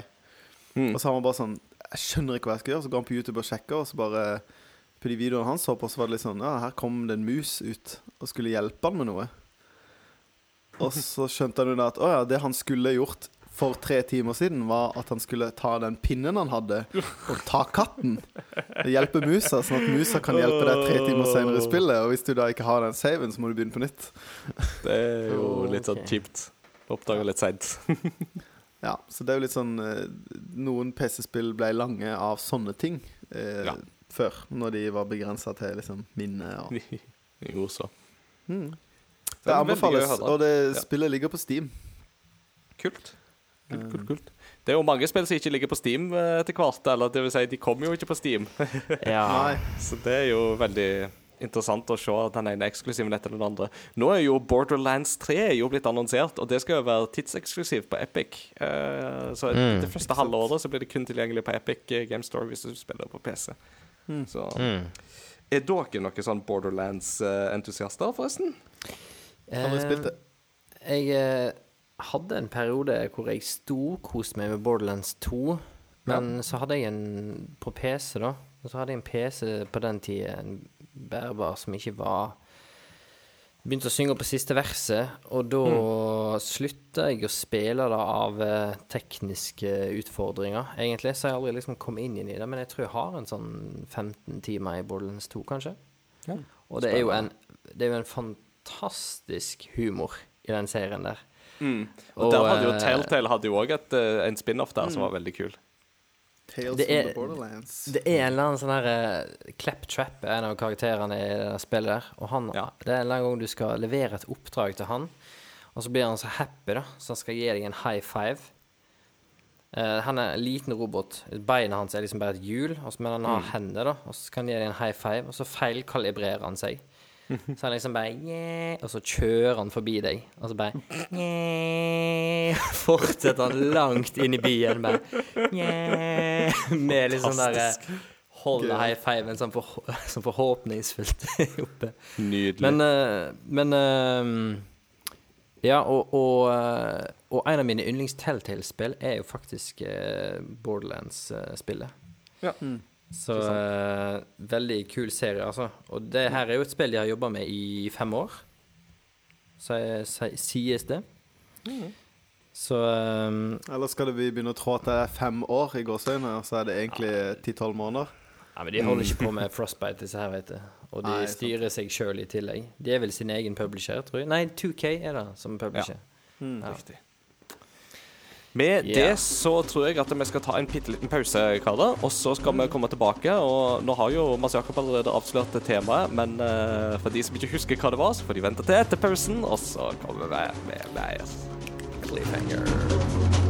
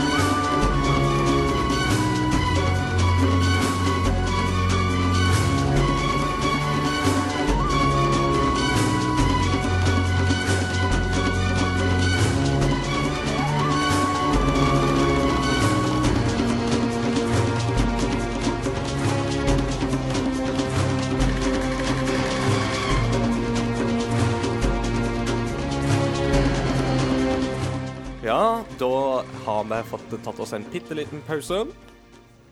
Det er viktig og bra. Og denne gangen så skal vi snakke om et eh, spill som eh, i alle fall jeg og Mats Jakob har et godt forhold til.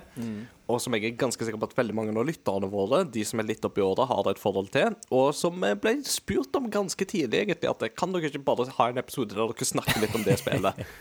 uh, så shout-out til Kjetil. Kjetil. Shetil. Kjetil. Shetil. Eh, nå skal du få elske litt, for nå, skal, for nå skal vi nemlig snakke om Heroes of Might and Magic 3. The Restoration of Erathia.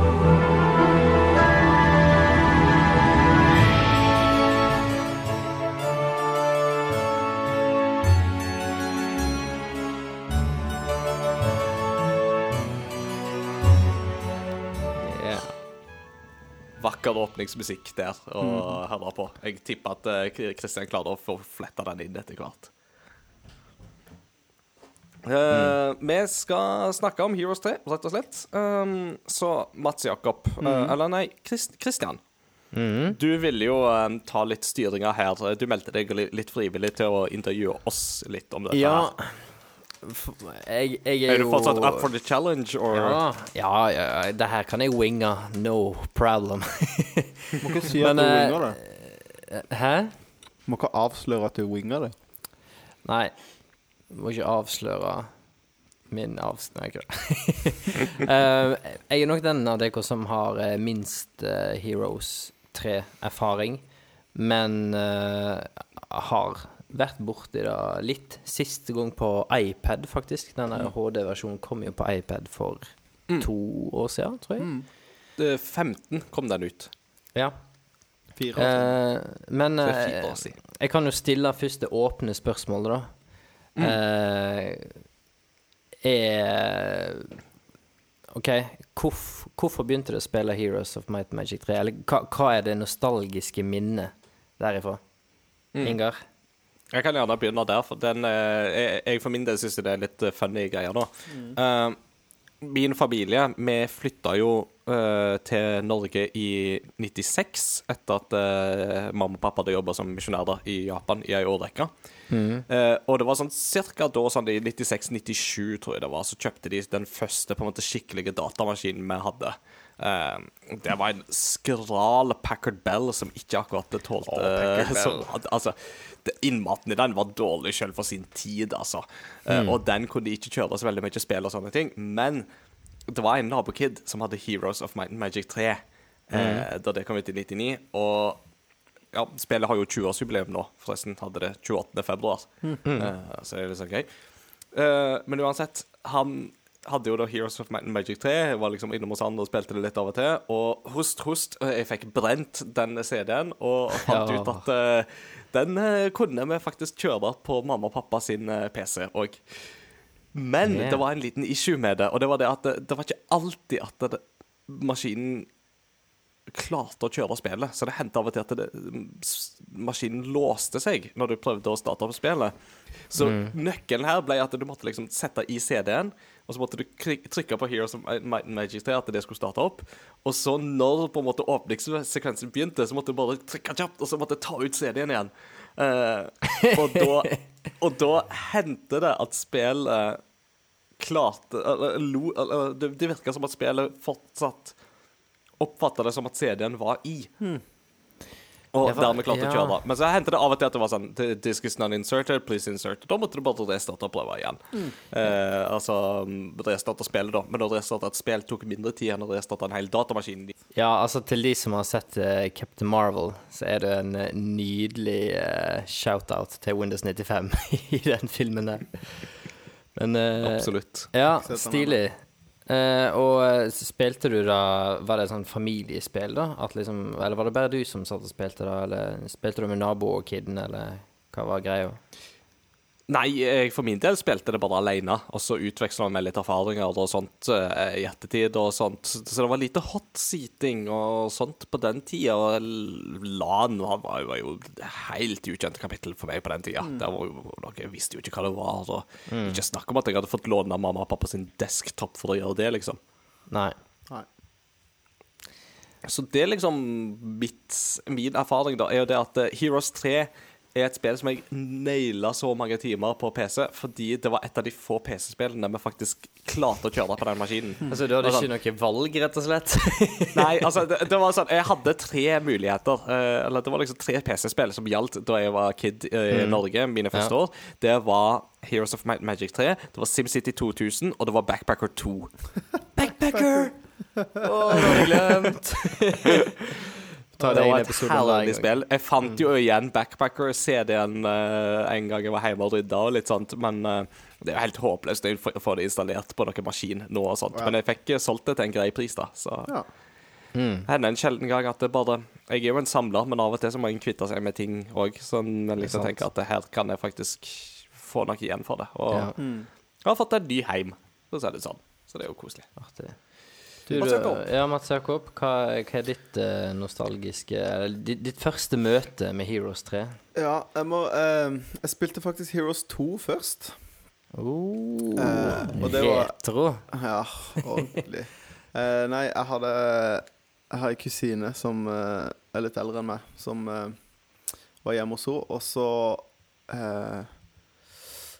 spilte vi på PC-en hennes, og så var hun litt sånn herre 'Vil du ha noen spill?' sa hun. Jeg bare, 'Hva mener du?' Så ba, nei, nei, du kan få noen spill med hjem. Så slang hun noen spill over på en diskett, som jeg fikk med meg. Hvor da okay. Heroes 2 var Eller jeg husker ikke om det var én eller to. Eh, Det var én eller to. Eh, Og på en diskett sammen med flere spill. Så det var liksom ikke ett spill, det var flere. Blant annet da for eksempel Det var så Jazz Jack Rabbit, hvis noen husker det. Den Ja. grønne Oh, kaninen med nice. bazooka. Men uh, jeg, skjønner, jeg var jo for liten til å skjønne av Heroes, så jeg bare husker at jeg spilte det. Um, Mm. men Heroes 3, det var um, Det er jo litt morsomt når jeg snakka om Heroes 3 forrige gang, så var det jo faktisk han jeg spilte Heroes 3 hos når vi hadde lagd ramen og fant ut vi skulle spille Hotseat. Det var jo han jeg spilte Heroes 3 hos når jeg var barn på barneskolen. Ja. Uh, så det var litt sånn full circle. Men uh, da satt vi på PC-rommet til, eh, til familien til Christer. Og for, for øvrig shout-out til PC-rom. Det er jo ingen som har PC-rom lenger. PC-rom! Alle hadde jo et PC-rom på 90-tallet. Så ah, og 2000 til 2000. Så jeg satt på PC-rommet til Christer og spilte Hot Sit. Så mitt på en måte Mm. primærforhold til Heroes som før jeg på en måte eh, tenkte at jeg kunne spille det sjøl, var litt sånn at det er et spill man spiller sammen. Så for meg har det vært veldig sånn eh, et sosialt spill. For det er jo ikke et Mm. spill man spiller på LAN. For at hvis du sitter på hver din skjerm, så, må du jo, så er det jo bare svart skjerm mens den andre spiller. Det er jo dritkjedelig.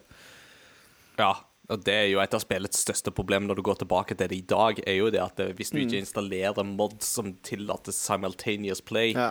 så er Heroes 3 ekstremt langdryg affære når du spiller det Mm. sammen Det må ha andre. god tid. Og, ja.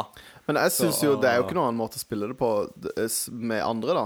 Det, er jo, det blir jo mye venting, men, men så er det jo den der sosiale biten med å sitte og vente på det. Ja, og og et spill som fortsatt uh, gir den uh, Den uh, må, metoden å spille multiplayer på og turns og sånn i strategiverden, er vel Civilization. Der Mm. har du Ja, samme og- greie, at eh, A1 kan gå ganske fort, men spiller du med andre venner, så må du sitte og vente til de gir sin turn, som kan ta litt tid. da. Ja, ja det er sant. Og samtidig så går det litt kjappere fordi dere kan gjøre rundene deres samtidig, sånn som i Civilization 4, for eksempel. Eh, som er det jeg har spilt klart mest. Um, Kan du det? Sånn at, eh, ja, for da kan alle gjøre på en måte sine ting mer eller mindre samtidig, og så når den spilleren er ferdig, så blir det sånn at eh, sånn, OK, nå er jeg ferdig. Da må jeg bare vente på at um, Da må jeg bare vente på at de andre skal bli ferdige, og så Ja, bare okay. sitter du og Da har det. de da. Men fortsatt er det sånn at det, ja. Mm. Ja, artig. Men uh, hvis vi skal uh, hoppe litt videre, da, og si uh, eh, Heroes eh, 3 i dag mm.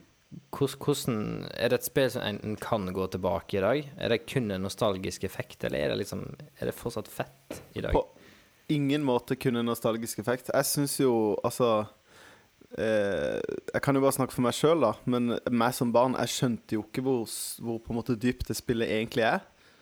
Mm. Eh, For på overflaten så kan du jo tenke at det er et spill hvor du går rundt og samler krigere og slåss med krigere og ditten og datten. Eh, så når jeg var barn, så fokuserte jeg jo ikke noe på spills. Jeg tenkte ikke at det var no en ting som var en del av et sånt spill, men det er jo et rollespill, og, og, og på en måte har jo mange av de tradisjonelle rollespillelementene.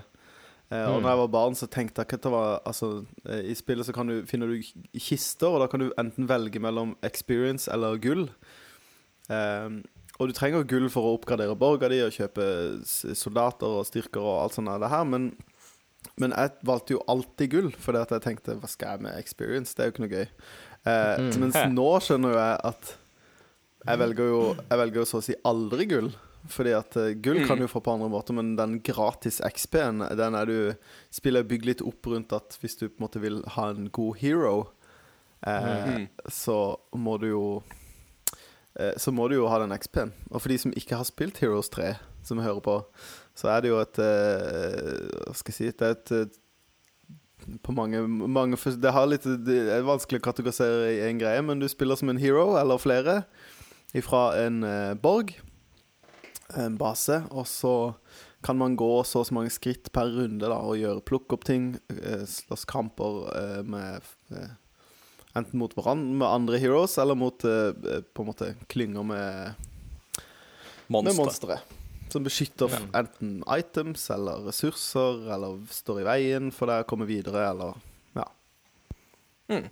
Eh, jeg vil jo kategorisere Heroes 3 som en sånn blanding av eh, ta, altså turbasert strategi, eh, rollespill og bybygging. Eh, er jo på mange måter de tre kjerneelementene i Heroes 3 som jo gjør at det er så gøy.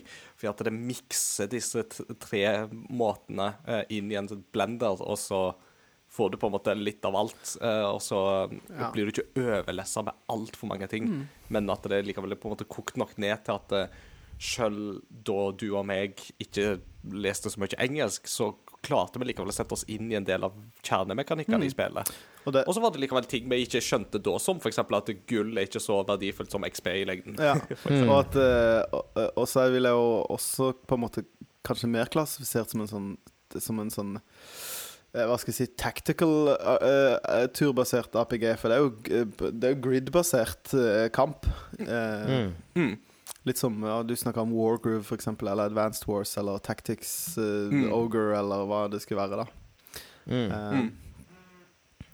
Sånn at det er Det er et utrolig dypt spill, og det er det jeg syns er festlig når jeg snakker med kompiser at det, eh, som på en måte spiller det fremdeles, da, eller har spilt det veldig Mm. mye, og sier liksom Ja, jeg spiller det på denne måten, og jeg har denne strategien, og jeg liker best disse av at den de har den beste magien, eller de har de beste styrkene, eller de har den magien som gjør at du får masse styrke. Altså sånn og at du har da ulike strategier for ulike størrelser med map og ulike typer quests. Og eh, jeg har på en måte nå som voksen begynt å dykke mer inn i denne singleplayer campaign-greia, der hvor du blir satt inn i et scenario, og ikke bare en sånn Mm. Den som dør sist, er den som vinner, på en måte. Mm. Uh, så det fins jo Jeg spilte nå nettopp en Quest hvor du Det er ikke noe bybygging. Du får ikke noe mer eh, soldater enn de du har, og det er, du har x antall turer på deg til å komme til en sånn endboss, på en måte. Du skal liksom finne veien i en slags labyrint for å komme til en sånn drage som du skal ta. Ja. Uh, sånn at det eh, Spillet er utrolig variert og har masse expansions, og fan-expansions også. Ja. Mm. Hvis du eh, jeg, tok en telling på det så sent som i dag, og det er at hvis du kjøper Complete Edition på gog.com, Mm. eh, så har jo spillet over 150 kart å bry deg på. Ja. Eh, med forskjellige typer missions og sånt, så det er absolutt noe å hente. Ja, det er mye gameplay. jeg, jeg tror det er på tilbud på GOG nå. Da kom det 99 kroner eller et eller annet sånt. Ja, jeg kjøpt, jeg kjøpt det, det, er ikke, det, er ikke, et- det er ikke et tilbud, men eh, det er på tilbud støtt og stadig. Og det er litt morsomt, fordi at HD-versjonen på Steam For den er fortsatt tilgjengelig på Steam. Den er jo ikke tilgjengelig lenger på, um, IOS. på IOS og Android, så den er jo tatt ned uten at de oppga noe mer grunn. Men Steam-versjonen, eh, der finner du fortsatt den HD-versjonen som kom i 2015. Den er da dyrere enn GOG-versjonen, og du får mindre innhold. Ja. Og så er den Fordi- objektivt, objektivt sett er jo den dårligere også. Ja, Ja. OK, men, men uh, hvis, uh, hvis lytterne nå begynner å bli litt sånn eh, nostalgiske De har spilt det her før og er gira på å spille det, eller det er nye Altså lyttere som ikke har spilt det før, og blir gira, hva, hva, hva, er, hva er anbefalte måter å spille det på i dag? Ingar? Eh, mitt tips er jo kjøp GOG-versjonen. Gå på GOG.com og kjøp den versjonen der. GOG er fantastiske folk. Det er bare å støtte de med, med penger, for de gjør et veldig godt arbeid med å bevare spillhistorie og gjøre det tilgjengelig for dagens publikum. Så det, det, det skal de ha støtte i, altså.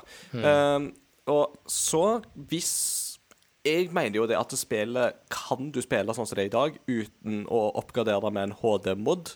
Men det er litt sånn røft i kantene og sånt, så det er Hvis du vil på en måte ha en litt finere opplevelse, så finnes det en HD-mod som lar seg installere, som bør kjøres på. Mm. Mm.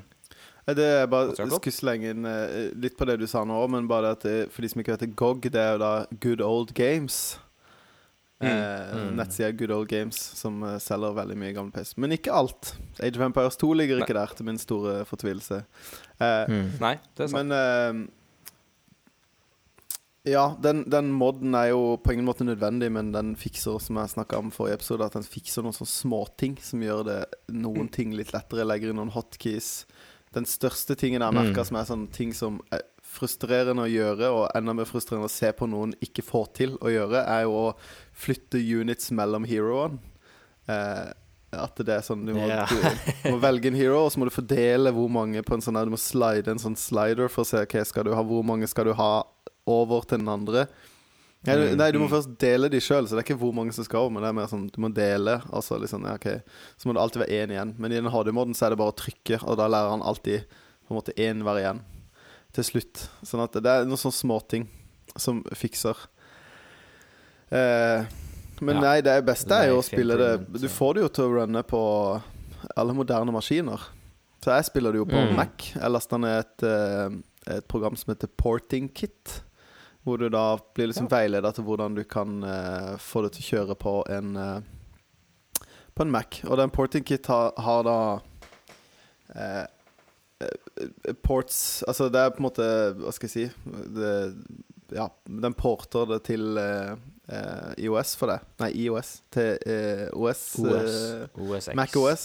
MacOS. Ja. Um, hvor det, det er jo community-based, så det er jo du søker opp uansett hvilken Mm. PC-spill. Du må ikke ha kjøpt det fra Good Old Games heller. Du kan jo ha lasta det ned. Uh. Uh, Hacks! ja. Who does that?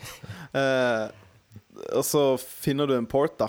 Uh, og så bruker han type et sånt XE-emulatorprogram. Den jeg fikk nå, var et som heter eh, Wineskin, tror jeg det heter. Uansett. Mm. Så det funker, det funker jo bra. Men eh, det som er digg med det, er jo at eh, du trenger jo egentlig hovedsakelig bare en mus. Så hvis du har en PC kobla opp til TV-en, så kan du likevel ligge som et slakt i sofaen og spille med musa på låret, liksom. Eh, så, Ja, faktisk. ja, så du kan liksom spille Du kan på en måte ha en veldig sånn avslappa Du bør jo på en måte sitte godt til rette, for det tar jo tid å spille det spillet. Eh, Ja. og eh, jeg syns jo det er gøyest med andre. Fordi at det er en, Jeg syns jo det er en sosial greie å spille Heroes, men, Mm. men noen vil nok kanskje heller Det er litt utradisjonelt å spille et, et RPG på den måten sammen med andre.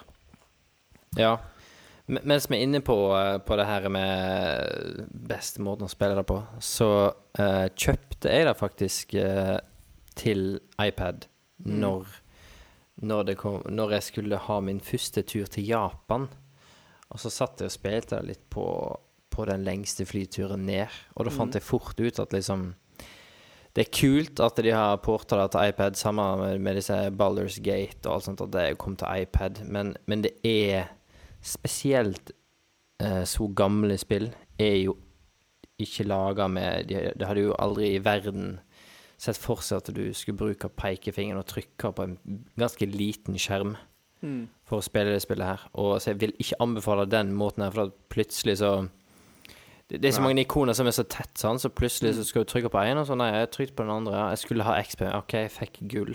Ja. På en måte, og det, det, er så mange sånn feil tastetrykk, og du bruker opp turn på at du springer feil, på en måte. Ja.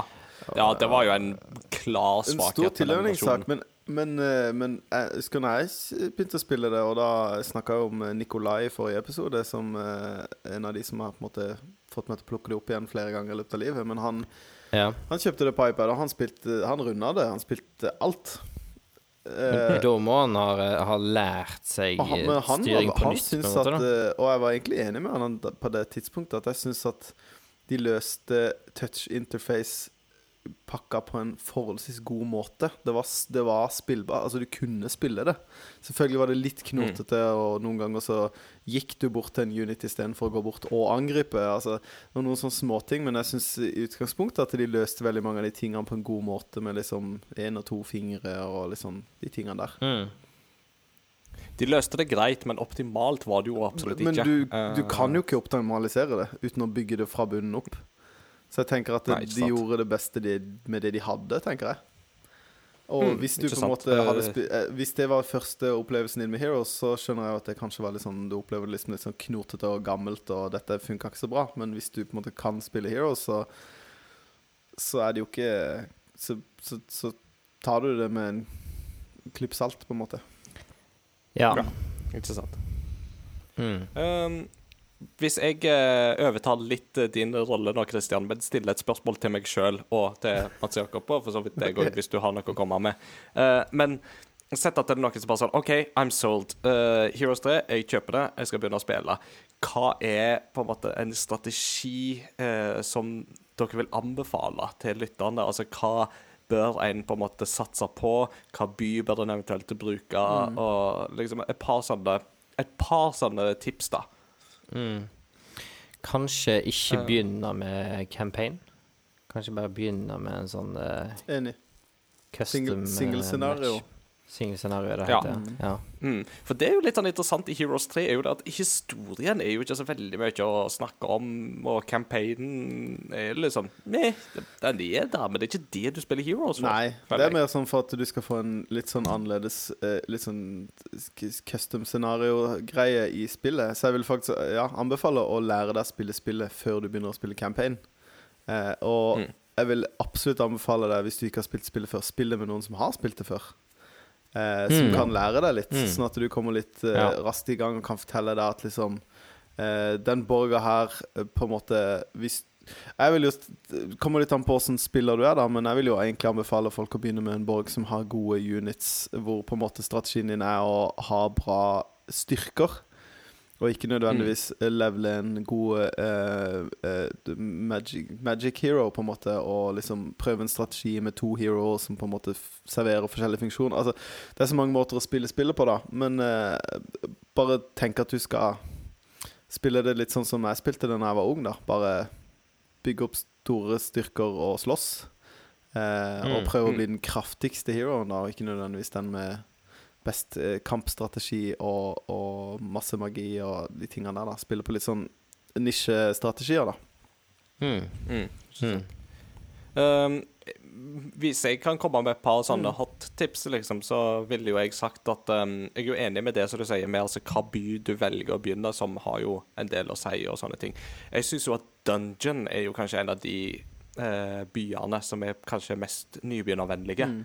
Eh, veldig på en måte oversiktlige og greie eh, figurer, og du får jo kanskje den, Og du får jo en av de aller sterkeste uh, enhetene der òg. Altså Black Dragon Mm. er jo kjempesterke i det spillet. For de er jo immune mot magi. Er det den Eh, borger som har uh, troglodytes og beholders og sånn? Ja. Ja. den har Troglodytes, Beholders, Medusas, Minotaurer Altså Det er basically den byen du velger hvis du vil ha greske monstre til å slåss for deg. Ja. Eh, ring etter avtale. Yeah. uh, men altså, du, fordi at den, den har et par fordeler. Um, fordi enhetene er ganske greie å sette seg inn i. Uh, den har en mage guild som går til level 5, altså som maks. Som vil si at du kan lære deg på en måte eh, kjempesterke spells, som er alltid greit. I tillegg så har den mana flux, som gir deg dobbelt så mye mana hvis, i ei uke hvis du har besøkt byen.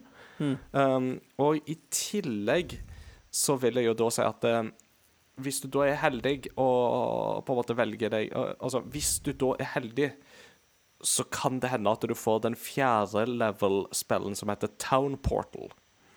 Town Portal den er kjempenyttig hvis du får flere byer. For da kan du reise fra by til by. Men for å gjøre det, så må du ha Advanced Wisdom-skillen. Og så må du ha Expert Earth Magic-skillen. Eh, fordi at med Earth Magic så er altså En vanlig Town Portal vil bare teleportere deg til nærmeste friendly um, by. Men hvis du lærer deg Expert Earth Magic, så kan du velge sjøl hvilken by du kontrollerer, som du skal reise til. Og, og med en gang du begynner å få flere byer, uh, og trenger liksom veldig fort OK, nå trenger jeg flere styrker til den heroen, så er det nesten avgjørende. ja. Det høres jo nesten ut som eh, Som uh, den dagen vi starter med streaming, så er det muligens uh, uh, Så er det muligens uh, det Heroes. spillet her vi bør eh, streame, da. Enig. Det er jo Jeg tenker jo at Mm. når vi skal henge sammen, så er det virkelig et tidspunkt Så er det et tidspunkt å spille Heroes Hot Seat på, da, hvor du skal få din ilde opp Mm. med to litt, et, to litt seasoned veterans. Eh, og eh, Absolutt. eh, Det er litt sånn der Jeg merker når jeg snakker med folk som spiller Heroes, og sånn når du kan alle spillsene og sånn, eh, uten at jeg er veldig dårlig på navn og sånn, men, men eh, uansett åssen RPG jeg spiller, så er jeg alltid litt sånn der eh, Me Tarzan. Jeg vil bare liksom Jeg vil helst være sterk i styrker, og jeg liker å Jeg er alltid melee og Hulk smash! Ja, er litt sånn jeg, Det er min gameplay Typisk mannfolk. Ja, det er litt min gameplay approach i alt, da. Men uh, Ja. Hulk like fire, men, uh, Thor men like Heroes er et, water. et spill hvor jeg på en måte har lyst til å på en måte bli flinkere på den her magic-biten, da. uh, og Mm. det er et spill jeg fremdeles liksom føler at jeg har masse å lære Jeg kan lære masse. Har, det har masse å by på ennå, da. Det er ikke et spill Ja, som er, Du blir ikke ferdig med mindre du blir Nei. lei. Nei. Ja, ja. Og det, det må jo sies, det er få spill fra 1999 som har holdt seg like godt Det som det Heroes of Might and Magic 3 har, og som er lett å gå tilbake til uten å ta på veldig tjukke nostalgibriller. Og at, det, og at det, det er på en måte en sånn Jeg føler det er en sånn derre eh, eh, jevn konsensus om at på en måte Heroes 3 er det beste spillet i serien. At på en måte alle spillene etter Ja, har ja. hatt Altså at de på en måte De naila det på treeren, og så har de på en måte gått tilbake på, kval på kvalitet på noen ting. Eller at de har liksom prøvd å forandre på noe, og så er det sånn Mm. Ja, men hvorfor gjorde du det ikke bare sånn som forrige? At alle ville egentlig bare ha Hero, Heroes 3 2, Heroes 3 3. Altså Ja. ja. Overgang til 3D og litt sånn forskjellig var det Ja. sikkert midt i der. Det, det skal jo sies at uh, Heroes 3 var jo et av de siste spillene som New World Computing og The 3DO Company fikk laga mens de var på topp. Mm. Uh, for de gikk jo defunct i 2003, tror jeg det var. Ja. Ja. Og da var det jo Ubisoft som tok over lisensen. Mm. Eh, så jeg tror det var Heroes of Might Magic 4 var vel kanskje det siste de lagde sjøl før de gikk konkurs. Ja. Eh, og, da, og da sleit de allerede med økonomien. Jeg lurer faktisk på om de nesten ble lagt ned mens de holdt på med det. Ja. Jeg mener i alle fall å vite at de ble lagt ned mens de jobba med utvikling av Might and Magic 9. Så, så det at det spillet i hele tatt kom ut, var faktisk et under. Mm. Ja. For at de klarte likevel å ferdigstille det og sånt. da Mm. Ja. Og så er det jo Ubisoft som har tatt over lisensen siden det, og den hadde jo aldri klart å på en måte gjøre noe skikkelig med. Da Så det er sånn Og det, og det er jo en ting vi ikke har snakka noe om, er jo på en måte hvilket univers Heroes Might and Magic 3 er en del av, da. Og at det, det er jo på en måte Hva skal jeg si Det er jo en sånn tactics spin-off av et, eh, et vanlig rollespill, da. Som- Ja, altså Might Mm. and Magic uh, uh, Heroes 3 finner sted mellom Might and Magic 6 og 7, Mm. uh, mener jeg å huske. ja. Mm. Eh, Men, man, Men man, altså, igjen, jeg har aldri tenkt over det når jeg spiller spillet, for da er det mer sånn uh, De vil jeg slåss imot, Ja. og så går jeg bare ja, for det, det handler jo ikke om det. Så det blir jo mer sånn eh, Ja, litt som, som mm. Tales from the Borderlands, da. Det på en måte er en sånn Ja, det er en del av samme univers, men det er jo noe helt annet. Og det er på en måte Du trenger ikke ha spilt de andre Borderlands-spillene for å skjønne noe av hva som skjer, eller altså Men uh, det er Ja. Nei, de, Ubisoft har ikke klart å gjøre noe med det etterpå. Og jeg har ikke spilt Hero 6, men jeg leste liksom at det skulle på en måte være sånn Ja, vi skal på en måte basere det på Heroes 3, og Men jeg tror ikke de fikk det helt til der Mm. heller. Nei. Heroes 7 er jo det nyeste. Er det Hero 7, ja? Ja, men da var det det, da var det, det jeg mente. Ja. Yeah. Jeg ser at klokka begynner å løpe fra oss, Mm. så um, selv om vi kunne snakke om dette her veldig veldig lenge, så tror jeg vi skal runde av mot en avslutning. Mm. Mm. Jeg vil bare helt avslutningsvis pitche at uh, en eller annen gang i løpet av helga, dvs. Si etter at denne episoden er spilt inn, men før den kommer ut, så kommer jeg med en eh, Game Rector-tekst om Heroes of Might and Magic 3 Ja. som jeg vil anbefale folk å lese hvis de er litt interesserte. Da skriver jeg litt om Det er litt en sånn blanding av en jubileumstekst i, i forbindelse med 20-årsjubileet som var, og i den artikkelserien som heter Gode gamle Reactor, som er en serie der vi går tilbake til spill vi spilte da vi var kids, og så ser vi litt på de sånn ut ifra dagens øyne. sånn, hvordan er det egentlig å gå tilbake til de spillene i dag? Eh, må du ha veldig tjukke nostalgibriller på, eller hvordan er det? Mm. Mm. Kan du gi et en lite hint om eh, hvor du lander i den teksten på akkurat det punktet der? Nei, altså, jeg har jo allerede gitt litt uttrykk Ja. for det, men jeg sa jo det, ikke sant, at uh, Heroes 3 er jo ikke en, et spill som du må ha altfor tjukke nostalgibriller på for å spille i dag, og at det, det er få andre spill fra 99 som har holdt seg så godt sånn underholdningsverdimessig. Og det er jo mye takket være at de brukte pre-rendered backgrounds og sånne ting. Så, men Mm. det er noe sånt. Say no more, say no more. Say no more, say no more. Nudge, nudge, wink, wink. Eh, vi skal gå imot en avslutning, og da har vi to spalter igjen. Den første spalten til den setter heter Dagens kuriositet. Um, og Da tenkte jeg at jeg skulle ta en bitte liten kuriositet som jeg tenkte litt på. Um, Den har ingenting med Heroes å gjøre, men den har med et uh, Nintendo indie-spill som nylig er blitt annonsert, nemlig Cadence of Hyrule. Uh, har dere yeah. kjennskap til det spillet? Ja. Uh, Cadence of Hyrule er jo da en kombinasjon av um, Crypt of the Necrodancer Ja, ja, ja. og uh, Zelda. Uh, litt sånn A Link to the Past-type stil. Altså, mm. Som så ser overraskende gøy ut. Det er sånn rytme rogelight-spill. Men um, fun, eller, kuriositeten er jo da knytta til tittelen, altså Cadence of Hyrule. For jeg, jeg vet ikke hvor det var, men altså, jeg har hørt liksom noen som bare sånn Hva, hva betyr egentlig det? Altså, Hyrule-beaten det er greit nok, for det er knytta til Zelda, men cadence er litt sånn Hva, hva er det?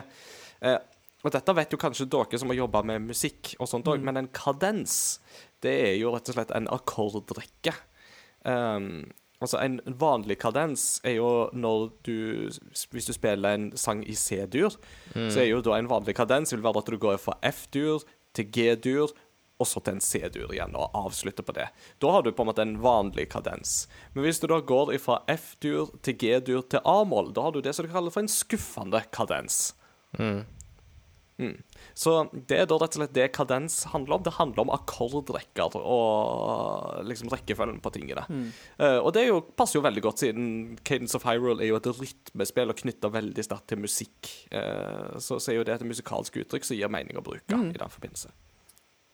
Kult. Så der har dere det, altså. Kadens det er, eh, handler om akkordrekker, og hva akkorder som kommer i henhold til en annen. Interesting. Med det så um, skal vi til dagens postludium, og Mats Jakob, du har eh, sagt at du vil eh, introdusere det. Så hva har du å by på i dag? Nei, altså Det er jo bare passende at postludiumet er hovedtemaet til Heroes 3, som Mm. Eh, eh, er jo et eh, Jeg syns det er et fantastisk fint soundtrack. Det er orkestrert Mm. musikk. Eh, Spiller på litt den her fantasy-greia med at det er mye cembalo og eh, Mm. Det er veldig sånn eh, Musikk Harpsichord ja, ja, musikken tar ikke masse plass, men den bygger opp under hele stemninga om at dette er litt sånn stort og majestetisk og epic eh, adventure du skal på, da. Og at uh, hele den her eh, fantasy sword and sorcery-verdenen du er en del av, da. Så det Og så er han jo ustyrtelig nostalgisk. Du Absolutt. Husker du, sånn, i fart, husker du i farta hvem det er som har komponert det, det soundtracket? Det gjør jeg ikke, men det kan jeg veldig raskt finne ut av. Ja, Skal vi se hvem som klarer å finne det ut kjappest, for jeg har det inne på datamaskinen. her, skjønner du. Skal vi se Oh. Eh, Det kan Battle vel ikke være riktig. Jeg får opp um, tre navn. Jeg får opp Paul Romero, Rob King og Steve Bacca. Paul Romero eh, står det her. Is Ja. an award-winning American da, computer and video game music composer and classical pianist. Ja. Har noe med John det, altså. Romero å gjøre? Ja, det var det jeg hadde begynt å lure på. Så kanskje en slektning. Hvis det var Wikipedia sier Jeg vet ikke. Jeg var iallfall inne på, um, på soundtrack-lista mi på, Ja. på maskinen, så det var der jeg fant det. Men eh, et veldig bra valg der, i alle fall. Med det så takker vi for oss. En litt kortere episode enn normalt, men sånn går det når vi måtte prøve fire-fem ganger etter en time med tekniske problemer først for å ta opp episoden, så det tror jeg bare er greit. En litt kortere episode i uh, of Gaming-verden, men eh, fortsatt en lang episode i den gjennomsnittlige podkast-verden. Ja, ikke sant? Så sånn er det. Men vi kommer jo bare ut annenhver uke, så Ja, vi ja, får litt lengre episoder. Så ikke det er så farlig. Ja. Speak, speaking of which, neste episode Vi planlegger å få til en episode sånn om et par ukers tid, selv om det er påske. Så mm, hvis dere får holde dere oppdatert på Facebook-sida vår, folkens. Husk å tipse dine venner og kjente når du skal hjem i påsken om crossover gaming. Det er, vi setter vi veldig pris på hvis folk begynner å høre på oss og liker Facebook-sida vår. Da eh, blir vi veldig, veldig glad. Absolutt. For det så takker vi for følget. Vi snakkes ved neste korsvei. Ha det bra! Ha det bra. Eh,